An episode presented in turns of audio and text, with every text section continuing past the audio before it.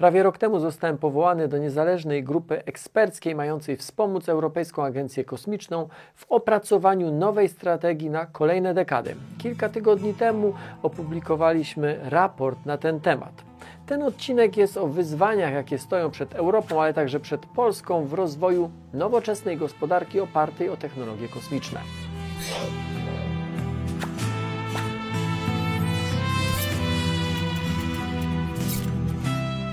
Kiedy ktoś rzuca hasło podbój kosmosu, co myślicie? Jakie wzbudza to Was skojarzenia? Myślę, że większość powie albo pomyśli o NASA, o SpaceX, o lądowaniu na Księżycu czy o Marsie. Zainteresowani geopolityką wspomną być może chiński program kosmiczny, ale czy komuś przyjdzie choć przez chwilę przez myśl Europa albo Europejska Agencja Kosmiczna? Na wstępie, Europejska Agencja Kosmiczna jest organizacją międzynarodową z wszystkimi tego dobrymi i złymi stronami. Ekosystem kosmiczny Europy jest mocno rozdrobniony, a poszczególne państwa mają własne narodowe agencje kosmiczne. Europejska Agencja Kosmiczna została założona po to, aby agregować wysiłki należących do niej państw, realizując najbardziej ambitne i drogie zadania. No, niektóre misje kosmiczne kosztują tyle, że udźwignięcie ich przez którekolwiek europejskie państwo samodzielnie byłoby w zasadzie niewykonalne. Nie zanudzając formalnościami, jeszcze może warto dodać, że ESA nie jest częścią, nie jest tożsama z Unią Europejską. To niezależna organizacja międzynarodowa, do której należą też m.in. Wielka Brytania, Szwajcaria i Norwegia, a nawet na specjalnych zasadach Kanada. ESA dzięki Francji ma port kosmiczny w Gujanie Francuskiej. Na Nauka to Lubię znajdziecie film, a właściwie moją relację z pobytu w tym porcie. E, port bardzo dobrze jest położony w pobliżu równika z bardzo szerokim i korzystnym azymutem startowym. Można z niego ekonomicznie latać tak na wschód, jak i na orbity polarne. To jednak nie koniec. Porty suborbitalne z północy, norweska, Andoja i szwedzki Eslange rozwijane są obecnie do portów orbitalnych. Szeroko zakrojone jest plan budowy kilku portów kosmicznych w Wielkiej Brytanii, czym mniej Wielkiej Brytanii, a bardziej przez Brytyjczyków. Najbliżej stanu operacyjnego są horyzontalny Cornwall Spaceport na południu wyspy oraz wertykalny Saxaford Spaceport na Shetlandach.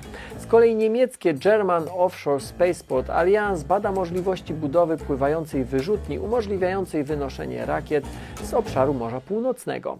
Prace nad portem kosmicznym prowadzone są też na Azorach. Europa ma więc skąd latać? Pytanie, czy ma czym latać? Patrząc na papierze nie jest źle. ESA dysponuje dwoma operacyjnymi rakietami, ciężką Ariane 5 i lżejszymi Wegami. W budowie jest też kolejna, tańsza rakieta z rodziny Ariane o numerze 6. Na rynku małych nośników mamy startupy niemieckie Rocket Factory Augsburg, Isar Aerospace, Himpuls, francuskie Latitude i Maya Space, hiszpańskie PLD Space oraz brytyjskie Orbex i Skyrora. Całkiem sporo. Także w temacie pojazdów kosmicznych rozwożących satelity po docelowych orbitach teoretycznie wybór jest duży. Włoski D-Orbit wykonał już kilka udanych misji, a kilkanaście, powtarzam, kilkanaście firm pracuje nad podobnymi pojazdami OTV. Dlaczego tak wiele osób, a także raport, którego jestem współautorem, mówi więc, że spadamy do niższej ligi?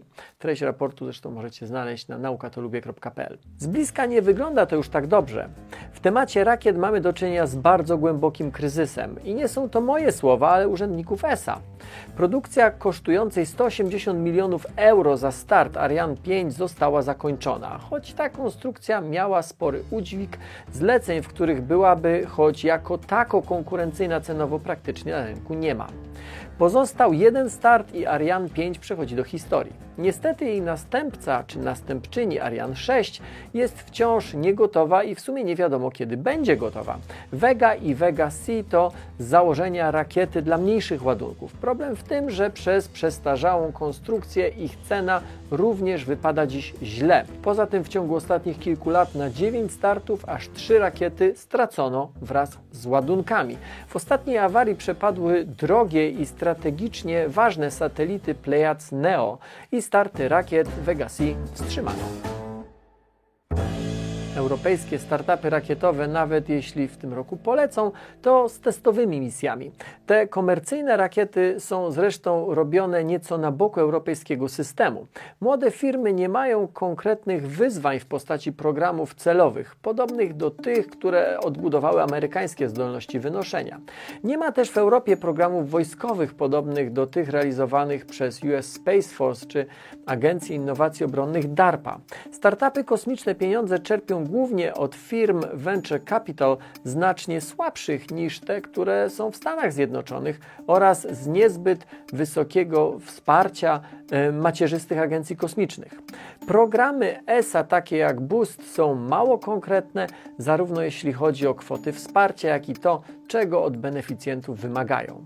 Nieśmiała zapowiedź ESA dotycząca większego dopuszczenia nowych firm do konkretnych zleceń już wywołała ripostę szefostwa Ariane Space, francuskiego giganta kosmicznego, przypominającą, że obsługiwane przez nich rakiety są przyszłością Europy. Tarcia pomiędzy firmami z różnych krajów, a nawet agencjami narodowymi nie są niestety rzadkością, a to spowalnia procesy i nie pozwala rozwijać projektów, które wymagają spokoju i konsekwencji, a przede wszystkim czasu. Czy to jest wina ESA? No cóż, ESA to organizacja międzynarodowa, trudno więc, żeby ignorowała tych, którzy dają na nią pieniądze. Chodzi tutaj nie obyło się bez strategicznych błędów, jak chociażby opieranie się latami na rosyjskich systemach wynoszenia Sojus, zamiast w tym czasie rozwijać swoje. Efekt? Gdy Rosja wypadła z gry, a wegi zawiodły, zlecenia zaczęły płynąć na inny kontynent. OneWeb, europejska konstelacja satelitów internetowych, ratuje się latając u bezpośredniej konkurencji Falconami 9 lub przy pomocy indyjskich rakiet. ESA Falconem wyśle łazika z misji ExoMars.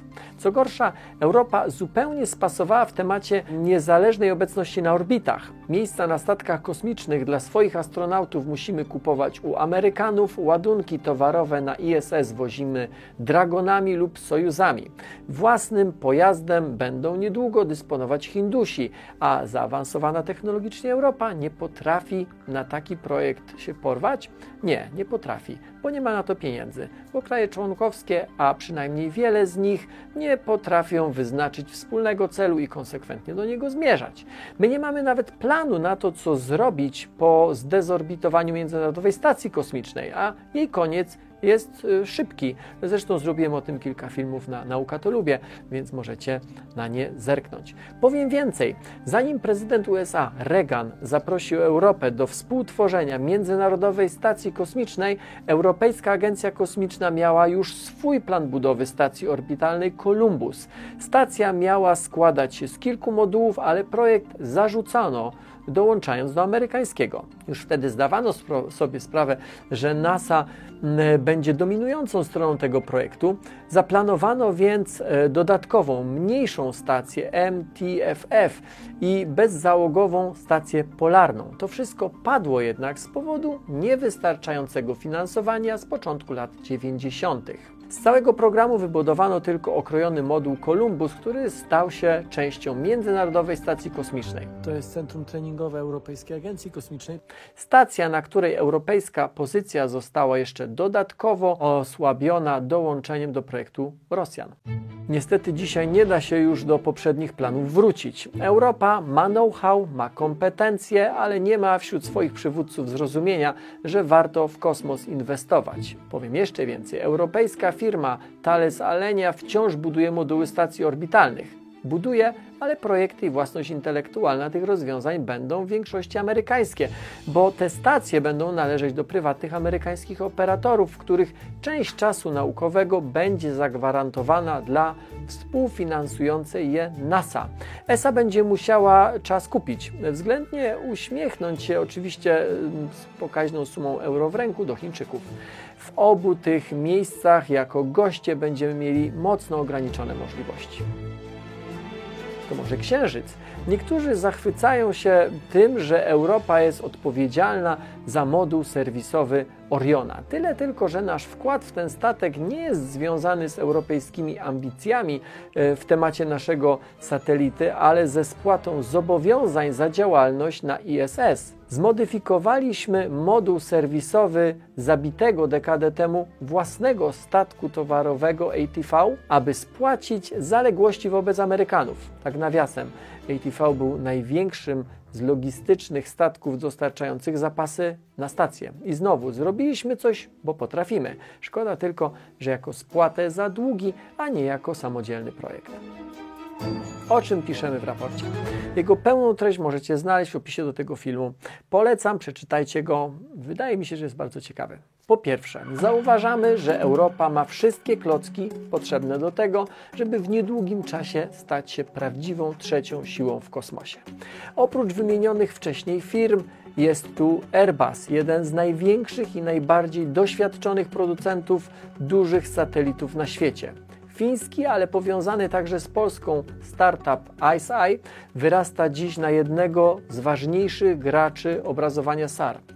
Mamy w Europie wiele cenionych firm produkujących różnego typu mm, podzespoły dla misji kosmicznych. Warto tu wymienić na przykład polskich graczy, takich jak Astronika czy Creotech. Mówiąc krótko, są ludzie, są technologie, ale musimy w końcu zacząć stawiać sobie bardziej ambitne cele. Musimy zacząć walczyć o autonomiczne zdolności w kosmosie. I to jest uwaga zarówno do Europy jako całości, jak i w zupełnie innej skali do Polski.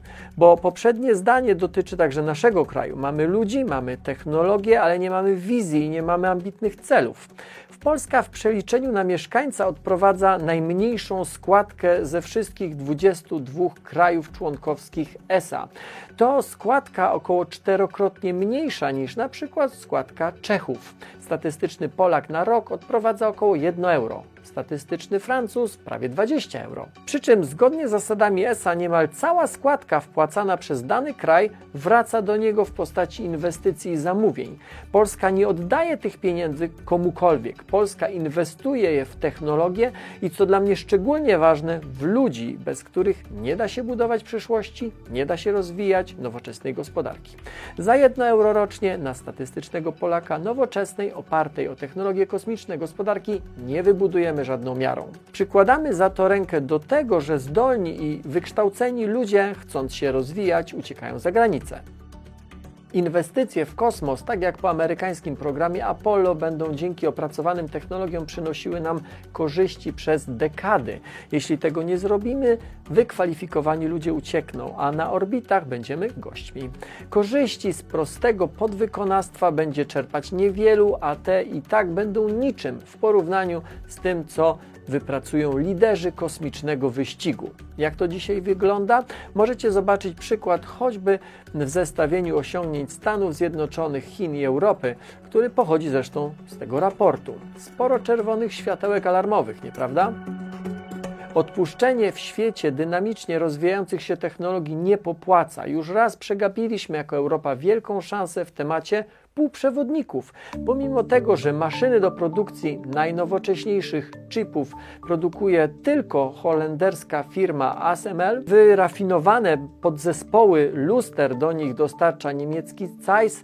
Jednym z największych ośrodków naukowo-badawczych jest belgijski IMEC, a takie Drezno miało wszelkie predyspozycje, żeby być europejskim Tajwanem. E, śmietankę w tym biznesie zbiera dzisiaj Azja. Śmietanka kosmiczna jeszcze jest w naszym zasięgu, ale nie łudźmy się, ten pociąg zaczyna odjeżdżać. Jeśli chcemy osiągnąć coś więcej, musimy zacząć działać tu i teraz i to dotyczy znowu Europy, ale także dotyczy Polski. I o tym jest ten raport, który przez wiele miesięcy współtworzyłem.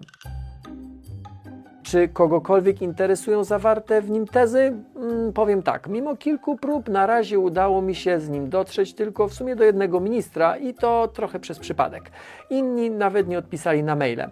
A podczas konferencji przemysłu kosmicznego, która kilka tygodni temu odbyła się w Sejmie, do mojego wystąpienia na temat tego raportu, na temat wyzwań, jakie przed nami stoją, nie doczekał już ani jeden minister, albo wiceminister, choć na początku konferencji było dwóch albo trzech. Fakt, była sobota i była ładna pogoda, więc aż korciło, żeby wybrać się do parku. Nauka to lubię od 10 lat, nie tylko na Facebooku, YouTube.